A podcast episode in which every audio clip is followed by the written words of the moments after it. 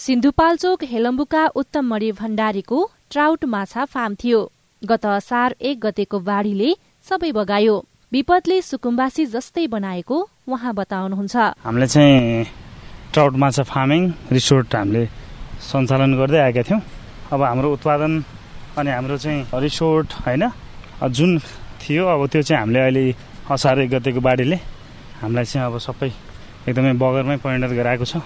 लगभग हामी अब विस्थापितै छौँ यहाँबाट। विपदको पूर्व तयारी विपद न्यूनीकरण र विपदका समयमा राहत तथा उद्धार अनि विपदपछि पुननिर्माणका चार विषयगत क्षेत्रमा विपद व्यवस्थापनका लागि बाइस बुधे रणनीति नेपाली कांग्रेसले घोषणा पत्रमा उल्लेख गरेको छ।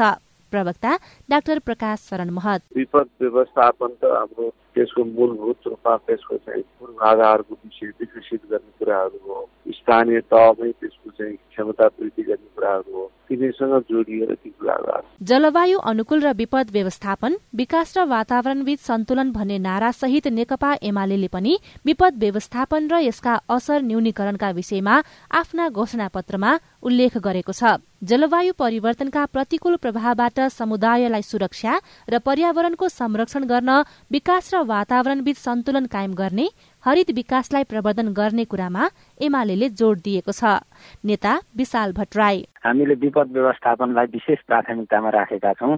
जस्तो सुकै विपद आइपर्दाखेरि पनि त्यसलाई प्रतिकार्यका लागि हामीले पूर्व तयारी गर्नु जरुरी छ र नेकपा एमाले पूर्व तयारीमा विशेष ध्यान दिनुपर्ने र त्यसपछि चाहिँ यदि कुनै विपदहरू आइलागिहाल्यो भने त्यसको व्यवस्थापनका लागि चाहिँ सम्पूर्ण जनशक्ति परिचालन गर्नुपर्छ भन्ने कुराको चाहिँ घोषणा पत्रमा नेकपा एमाले राखेको छ। जोखिम व्यवस्थापन सहितको विकास विपदमा सहयोगी समाज एकीकृत समाजवादीले आफ्नो घोषणा पत्रमा उल्लेख गरेको बुदा हो। डुबान बाढ़ी पहिरो जस्ता विपदबाट जनधनको क्षति कम गर्न पूर्व चेतावनी प्रणालीको विकास गर्ने जोखिम संवेदनशील भू उपयोग विश्लेषण गरी जोखिम रहित स्थानमा मात्र बस्ती बसाउन आवश्यक कदम चालिने लगायतका विषय नेकपा यसको प्राथमिकतामा छन्।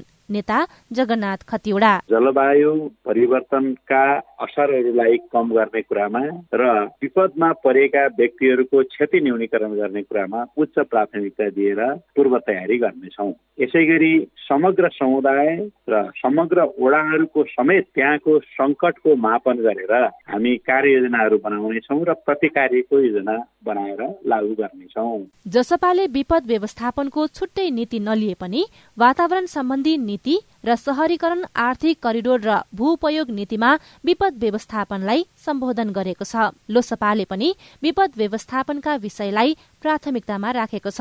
नेकपा माओवादी केन्द्रको भने स्थानीय तह निर्वाचन लक्षित घोषणा पत्र जारी भइसकेको छैन। सुशीला श्रेष्ठ सीआईएन